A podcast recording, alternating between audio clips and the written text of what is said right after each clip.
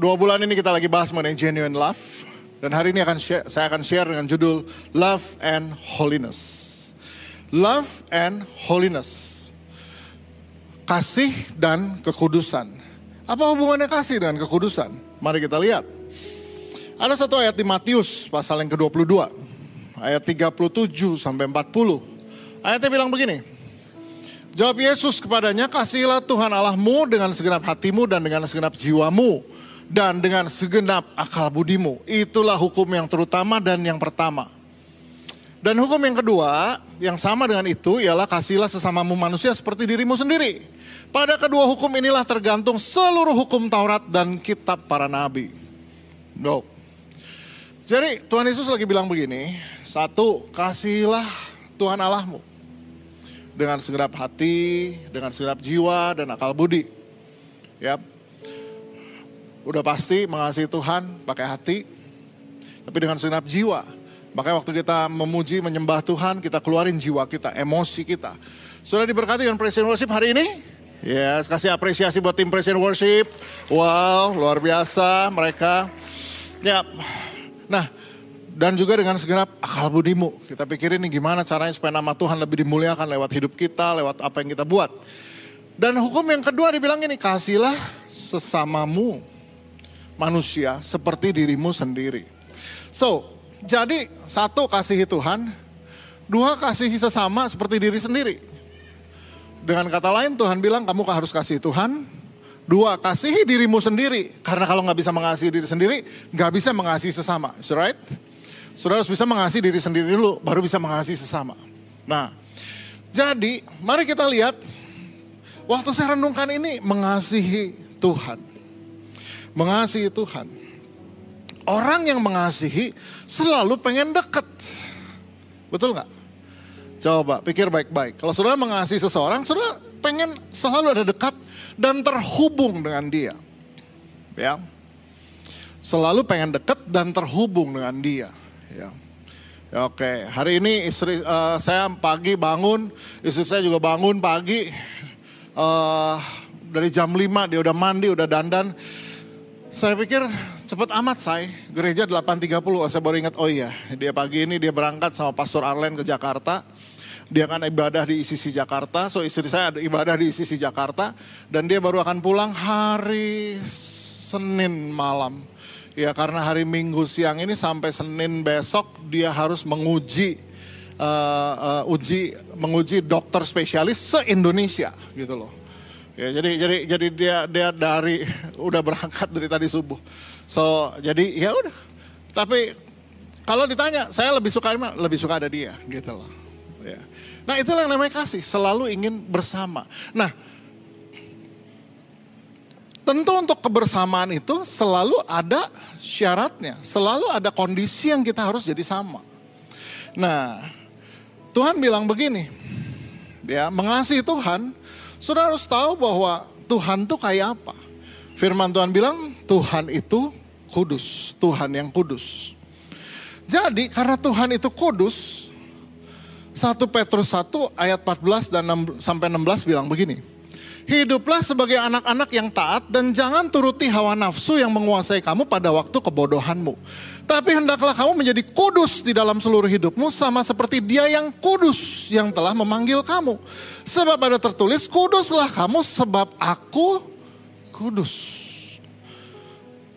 Ketika saya renungkan ayat ini, ya ini gambaran hubungan kita. Ya, kalau saya sama istri, dia orangnya bersihan banget. Ya iyalah dia dokter. Bersihan banget. Paling suka mandi. Jadi mau tidur aja mandi. Ya. Saya kadang-kadang pikir, saya kan kalau mandi itu kan buat pergi keluar ya supaya lebih lebih gantengan dikit gitu kan. Dia mau tidur mandi. Dengan kata lain kalau saya mau mau tidur sama dia, ya berarti saya juga harus mandi. Dia bilang, kamu mandi dulu. Gitu. Oh iya, pilihan saya apa? Mandi atau ya udah nggak nggak sama dia. Ya, jadi nggak ada pilihan, ya gue mandi gitu kan. Ini gambarannya sama kayak Tuhan. Saudara mau dekat sama Tuhan, mau terhubung dengan Tuhan, Tuhan bilang aku kudus. Karena itu kamu harus kudus. Sesederhana itu kok. Kalau kita nih mikir kekudusan tuh lagi bicara soal daftar. Ini boleh, itu nggak boleh, ini boleh, itu nggak boleh, ini boleh, itu nggak boleh. Nah, nah, nah, ini bukan lagi bicara daftar. Nggak habis-habis nanti daftarnya. Tapi ini lagi bicara apa yang buat Tuhan oke, okay, itu oke okay buat saya. Sebenarnya begitu. Ya. Dan dasarnya bukan karena Tuhan suka, enggak, kamu mau dekat saya apa enggak? Kamu mengasihi saya enggak? Kalau kamu mengasihi saya, kamu mau dekat sama saya, kuduskan hidupmu. Hendaklah kamu kudus. Nah, itu hal yang yang yang saya belajar iya ya, bahwa hidup dalam kekudusan itu bukan karena kita punya daftar A sampai Z. Apa yang boleh dan enggak. Tetapi saya mengasihi Tuhan. Dan kalau Tuhan nggak keberatan dengan ini, it's no problem. Tapi kalau Tuhan keberatan, saya oke, okay, saya berhenti dengan ini karena saya ingin dekat sama dia saya ingin ter terhubung dengan dia. Saudara bisa terhubung sama Tuhan bukan hanya di gereja aja, tapi juga dalam hidupmu sehari-hari. Ada amin saudara. Engkau kerja, engkau belajar, engkau lagi nyetir, engkau terhubung dengan Tuhan. Tetapi gimana kita bisa merasakan hadirat Tuhan day by day, minute by minute. Dan Tuhan bilang, aku nih kudus. Kalau kamu kudus, kamu bisa rasakan aku. Kalau kamu kudus, aku kudus, dan kita bisa satu frekuensi. Nah, jadi saudara itu alasan pertama. Kan kita mengasihi Tuhan, kita hidup dalam kekudusan karena kita ingin dekat dan terkoneksi dengan Tuhan, terhubung dengan Tuhan. So, hal kalau bicara mengasihi Tuhan, maka yang kedua kita bicara soal rumah Tuhan. Tahu nggak saudara soal rumah Tuhan ini? Ini gereja, ini rumah Tuhan, yes, tapi rumah Tuhan yang sesungguhnya 1 Korintus 6 ayat 19. Ayatnya bilang begini, atau tidak tahukah kamu bahwa tubuhmu adalah bait roh kudus. Yang diam di dalam kamu, roh kudus yang kamu peroleh dari Allah. Dan bahwa kamu bukan milik kamu sendiri. Jadi firman Tuhan bilang, tubuhmu itu bait roh kudus. Ini tubuh, bait. Apa itu bait? Rumah. Rumahnya siapa? Roh kudus. Jadi kalau saudara dibilang mau percaya Yesus, mau. Mau buka hati, mau. Ya sekarang terima Yesus. Sebenarnya roh kudus tinggal dalam diri kita. Saudara kebayang nggak? Kita nih mau terima tamu di rumah aja beberes rumah. Oh, seandainya saya bilang sama worship leader kita, Jill sama Mike. Oh, Jill dan Mike, saya mau ke rumah kalian ya. Pasti nomor satu pertanyaan mereka adalah kapan dan jam berapa. Kenapa mereka nanya kapan? Karena pasti mau beberes rumah. Mereka nggak pengen saya datang ke rumah mereka begitu buka pintu kesandung panci. Gitu loh, mereka akan beberes itu. ya. Jadi mereka pastikan ketika saya ke rumahnya panci-panci udah beres gitu loh. Eh, intinya adalah gini, kita mau nyambut orang aja beberes. Tapi kita bisa biarkan roh kudus tinggal dalam rumah yang berantakan. Pahit, benci, marah. Belum lagi segala kenajisan yang kita buat kita nggak berhentiin. Serah betapa berdukanya dia hidup di dalam diri kita. Nah makanya kalau mengasihi Tuhan erat hubungannya dengan kekudusan karena itu satu supaya kita tetap terkoneksi dengan Tuhan. Ya, banyak orang bilang, tanya gimana sih caranya supaya saya rasain Tuhan? Oh ya, satu frekuensi sama dia. Frekuensinya apa? Kudus. Frekuensinya apa? Kudus. Begitu salah, cepat bilang, ampuni saya Tuhan. Saya salah soalnya. Every single day, ketika mau tidur, saya ajar anak saya, semua juga berdoa, minta ampun buat dosa hari ini. Supaya kita bisa tidur dalam damai sejahtera Tuhan. Hari ini kita buat salah, ampuni saya Tuhan supaya tetap terkoneksi lagi sama Tuhan terus day by day. Nah, come on. Nah, yang kedua karena tubuh kita adalah bait Roh Kudus. Jadi jangan dirusak, ya. Tuhan mau bekerja di dalam tubuh ini. Bilang kiri kanannya, Tuhan tinggal di dalam sini. Hmm. Tuhan tinggal dalam situ, ya. Ini badan ini dipakai tinggal sama Tuhan. Tuhan tinggal di situ. Oke, nah, mari lihat. Hal yang kedua, Ketika kita bicara mengasihi diri sendiri, maka mengasihi diri sendiri erat juga hubungannya dengan yang namanya kekudusan. Oh, why? Firman Tuhan bilang, kuduskan dirimu. Kuduskan dirimu. Di 1 Korintus 6 ayat 16. Ayatnya bilang begini, atau tidak tahukah kamu bahwa barang siapa siapa yang mengikatkan dirinya pada perempuan cabul menjadi satu tubuh dengan dia. Sebab demikianlah kata Nas, keduanya akan menjadi satu daging. Tetapi siapa yang mengikatkan dirinya pada Tuhan menjadi satu roh dengan dia. Jauhkanlah dirimu dari percabulan, setiap dosa lain yang dilakukan manusia terjadi di luar dirinya. Tapi orang yang melakukan percabulan berdosa terhadap dirinya sendiri. Saudara, bagaimana kita merusak diri kita sendiri adalah dengan dos, salah satu dos, dosa nih yang kita buat dampaknya ke orang lain. Tapi ada satu dosa yang kita buat dampaknya ke dalam. Itu bicara apa? Urusan moral, percabulan. Ini ini bicara soal moralitas, dampaknya ke dalam. Percabulan. Uh, saya saya tanya sama anak saya, anak perempuan saya yang nomor satu tuh namanya Viola. Dia lulus, dia lulus, dia kuliah di Melbourne, dia lulus dari jurusan Physio Psychology. Jadi ilmu psikologi yang mempelajari kerja otak. Jadi kalau orang kayak gini nih, sebenarnya apa yang terjadi sama otak dia? Sebuah penemuan menarik dalam penelitian soal pornografi. Bahwa kalau orang kecanduan pornografi, maka sebenarnya dia sedang merusak bagian otak dia yang disebut dengan amigdala. Nah, itu di, di riset betul. Jadi bahwa ada penemuan yang menarik bahwa orang yang terikat sama pornografi itu sebenarnya nggak memiliki hasrat seksual lebih tinggi daripada orang lain. Cuman dia selalu ingin lebih banyak. Jadi ini lagi bicara soal bonding, soal keterikatan, bukan lagi bicara soal kebutuhan. Uh, jadi dibuat riset, otak di scan ada dua sukarelawan, satu terikat dengan pornografi, satu sehat. Jadi yang otaknya sehat, ketika di scanner, hasilnya menunjukkan bahwa amigdala dia tuh ketika ditunjukin gambar porno, nggak bereaksi. Tapi orang yang terikat pornografi, itu yang otak sehat tuh yang di atas. Otak yang kecanduan pornografi itu yang bawah. Amigdalanya tuh yang kuning. Jadi kalau orang yang otaknya sehat, ngelihat gambar porno tuh biasa aja amigdalanya. Tapi orang yang terikat pornografi langsung brek. Yang kuningnya membesar. Bereaksi. Nah itu yang dalam hidup kita sehari-hari suka dibilang otak mesum. Apa juga jadi cabul. Sapi lewat terangsang. Gitu. Itu, itu yang rusak amigdalanya. Nangkep nggak saudara? Karena sebenarnya udah rusak di dalam. Udah rusak di dalam. Ini di, di, di, benar-benar dites, di scan otaknya. Yang kecanduan sama yang sehat. Sama-sama dikasih lihat gambar yang sama, reaksi otaknya berbeda. Ini yang disebut pikiran kotor, ini yang disebut otak mesum. Jadi sebenarnya urusan ini bukan yang di luar, tapi yang di dalam sini udah rusak. Saudara bisa bayangkan, otak rusak ini terus kita bilang roh kudus bekerja. Gitu. Gimana?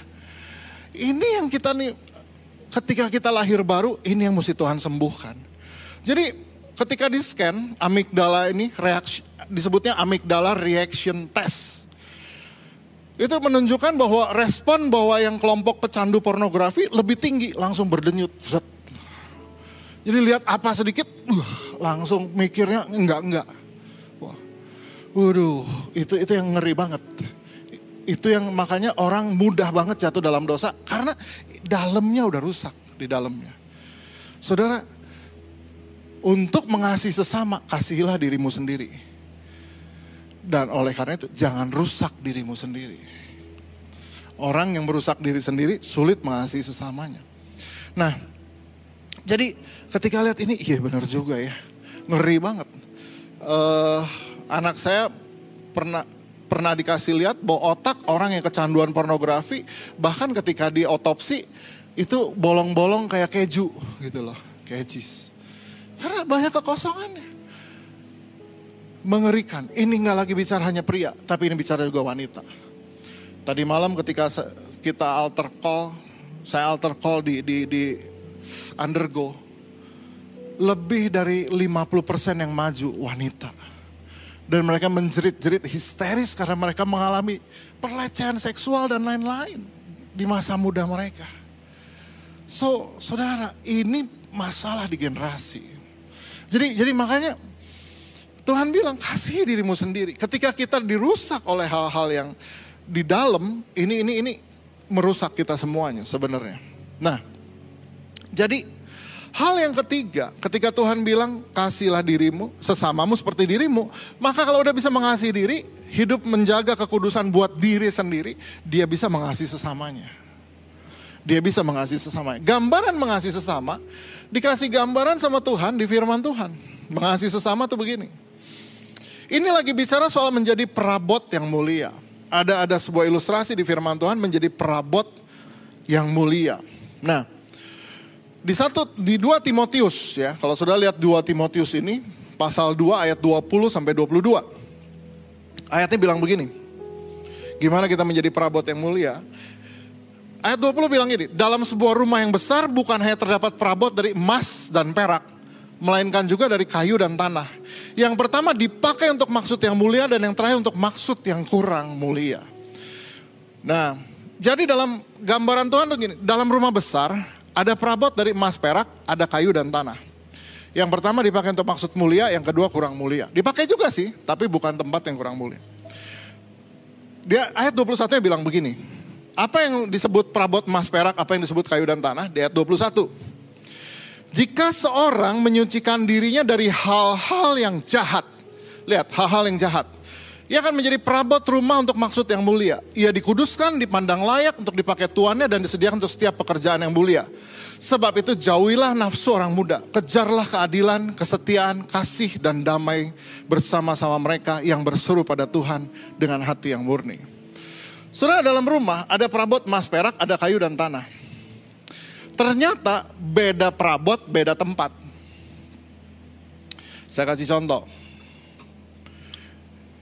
ini dua-duanya sendok. Tapi saudara tahu dong, yang ini tempatnya di mana, ini tempatnya di mana. Menurut saudara yang akan ada di meja perjamuan kalau kita menjamu tamu-tamu penting, yang ada di meja yang mana? Ini apa yang ini? Yang stainless steel atau yang kayu? Stainless. Why? Karena yang stainless steel ini yang akan ada di tempat yang tamu-tamu makan. Kenapa? Ya sendok kayu ini ya adanya bukan di meja makan. Kenapa sih harus ada pembedaan begitu?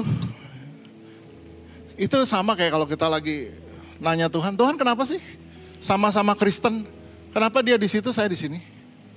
Kenapa kok dia lebih tinggi posisinya daripada saya? Kata Tuhan sering kali, lihat dirimu. Keadaan dirimu lah yang membuat engkau ada di situ, dia ada di situ.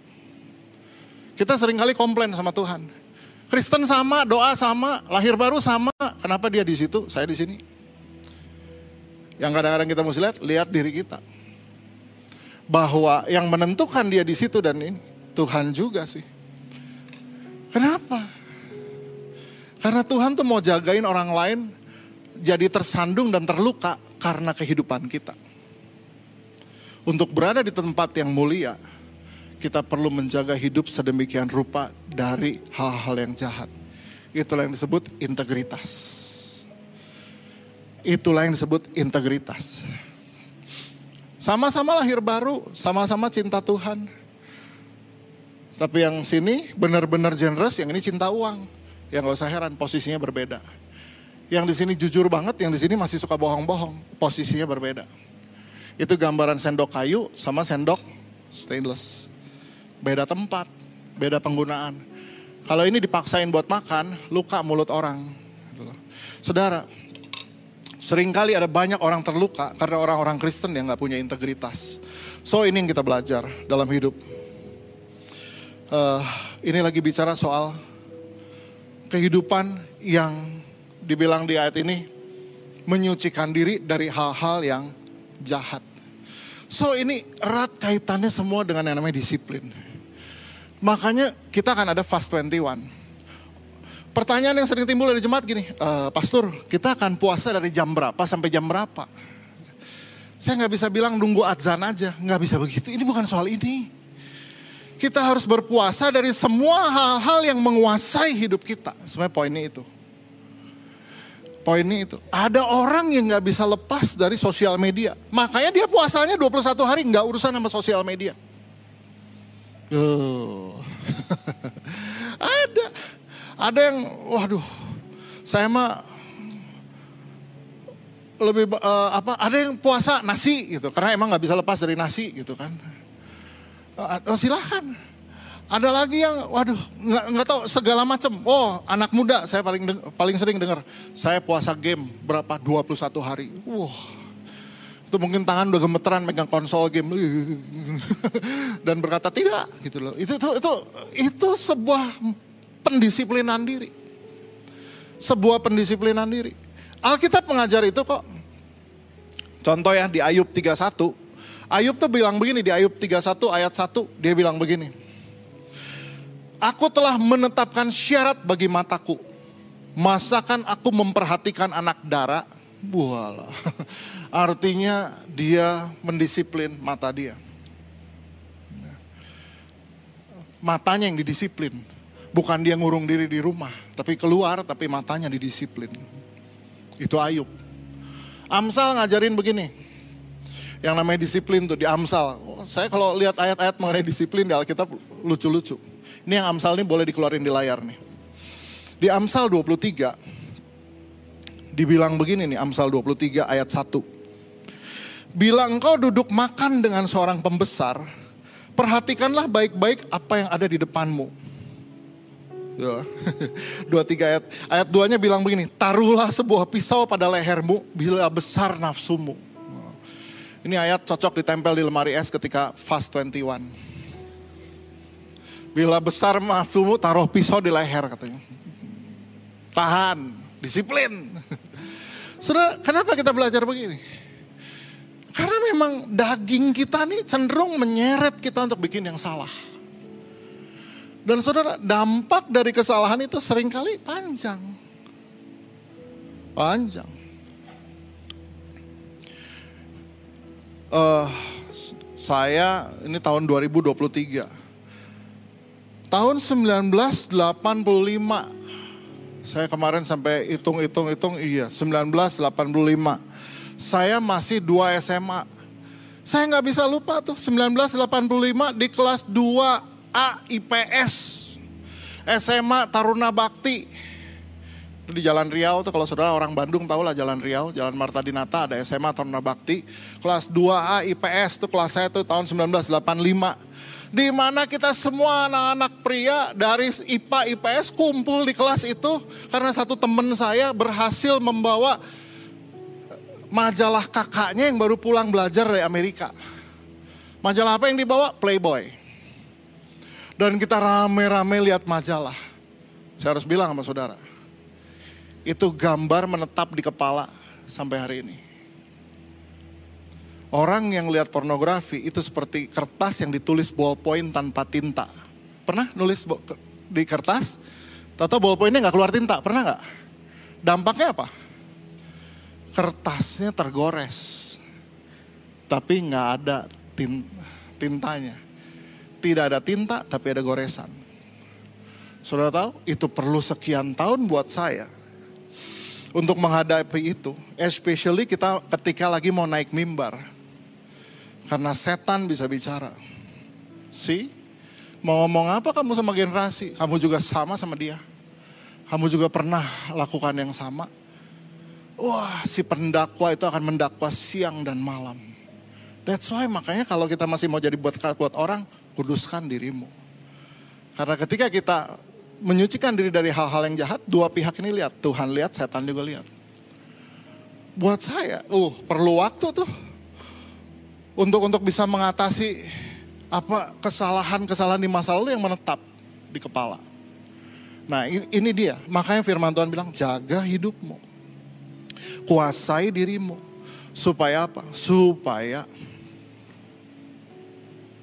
nggak ada setan bisa mendakwa kita nomor satu. Buat saya ribuan kali saya ada di hotel sendirian, nggak ada pastor, nggak ada staff, nggak ada jemaat, nggak ada siapa-siapa. So kalau mau bikin apa pun, nggak ada yang tahu. Tapi saya tahu ada dua ini yang tahu. Tuhan dan setan. Dia tahu. Dan buat saya yang menguatkan selalu Tuhan bilang, masih mau jadi berkat nggak buat mereka? Masih mau ngomong nggak sama generasi? Buat saya, saya masih pengen jadi berkat.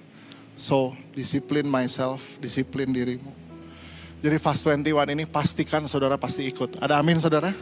Bilang kiri kanan ikut fast 21. Ya. Kita belajar menekan. Ayatnya bilang jauhilah nafsu orang muda. Aduh. Aduh, jauhilah nafsu orang muda. Makan gak bisa berhenti. Waduh, makan semua yang berkolesterol sampai kapan berhentinya ketika leher nggak bisa nengok? Yailah. Taruh pisau di leher, kata firman. Puji Tuhan. Ini tubuh bait roh kudus. Jaga baik-baik. So firman Tuhan bilang, kasih Tuhan, kasih dirimu sehingga bisa mengasihi sesama. Gimana mengasihi Tuhan? Jaga kekudusan. Sebab aku kudus kata Tuhan, itu frekuensinya. Yang kedua, ini rumah Tuhan. Dijaga. Kenapa kita menekan hawa nafsu? Supaya rumah Tuhan tetap bagus. Rumah Tuhan tetap sehat. Ya. Istri saya rutin suruh saya cek darah. Nanti udah selesai dia cek darah, dia lihat hasilnya. Waduh, gula lebih sedikit. Waduh, tetap biarpun gula 110 dari batas 100, saya gulanya 110 dari batas 100. Istri saya udah telepon ke semua hospitality ICC. Bandung, Jakarta, Bali, Sydney, Malang. Kanalah jangan dikasih gula. Tolak kalau dia minta cake dan lain-lain. Itu semua hospitality udah dikabarin. Hih, apalagi kolesterol lebih dikit. Wah langsung telepon lagi. Especially ICC Jakarta, nggak boleh dia makan bakmi ya. Jangan kasih dia bakmi. Sekretaris saya juga bilang, jangan beliin bakmi. Dan, kenapa? Saya, saya sih nggak melihat, oh bawel. Enggak, enggak, enggak, saya nggak lihat itu. Ini bait roh kudus. Biar Tuhan masih bisa pakai sampai umur lanjutnya. Ada amin nggak saudara? Karena ini baitnya Tuhan. Kalau ini rusak Tuhan nggak bisa pakai. Maka ini bukan menjadi tempat yang menyenangkan buat Tuhan. Dah ayat terakhir. Mari kita lihat 10 perintah Tuhan. Di keluaran 20 ayat yang ketiga, dimulai perintah yang pertama adalah jangan ada padamu Allah lain di hadapanku. Siapa Allah lain di hadapan Tuhan? Semua yang kita nggak bisa lepas, semua yang kita lebih prioritas daripada Tuhan, itulah Tuhan Allah lain dalam hidup kita. Semua yang kita tawar-tawaran sama Tuhan, berarti itu Allah lain di hadapan kita. Istri saya suka ajuin syarat gini, kita punya waktu untuk dating berdua. Pergi berdua, makan berdua atau apa. Pokoknya kalau lagi pergi berdua syarat dia satu. Kamu nggak boleh bawa handphone. Yang benar kalau pergi sama dia saya nggak bawa handphone. Nah, taruh aja handphone. Nanti anak, eh, nanti anak saya yang bilang, Dedi handphonenya ketinggalan. Sengaja ditinggal. Bilang. Kenapa? Karena mama tidak menghendaki itu. Karena buat istri saya yang penting aku. Jadi kalau makan pun nggak bisa sambil ya gimana, balas nggak ada. Jadi makan pun sambil lihat gimana saya.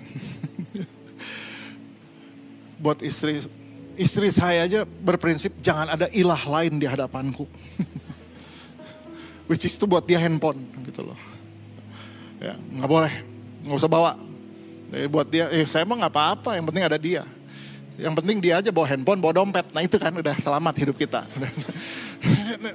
Tapi saya cuma pikir-pikir, iya iya benar juga ya. Tuhan juga kayak gitu.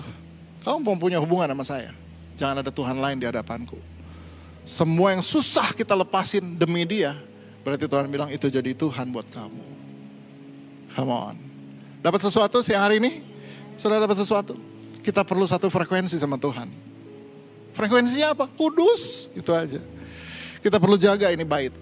Jangan rusak karena dosa moral, karena nafsu yang besar, makan semaunya, rusak bait Tuhan. Dan kita masih mau jadi berkat buat orang lain. Jaga hidup kita, jauhi dari hal-hal yang jahat. Supaya Tuhan masih bisa angkat kita jadi pengusaha yang berhasil. Yang orang bilang benar dia mah. Benar dia mah. Soal uang benar, soal bayar-bayaran benar, soal apa benar. Nah itu tuh penting tuh. Tuhan angkat. Juga. Ya, kita senang dengan firman Tuhan. Jadi kepala bukan ekor. Gimana caranya?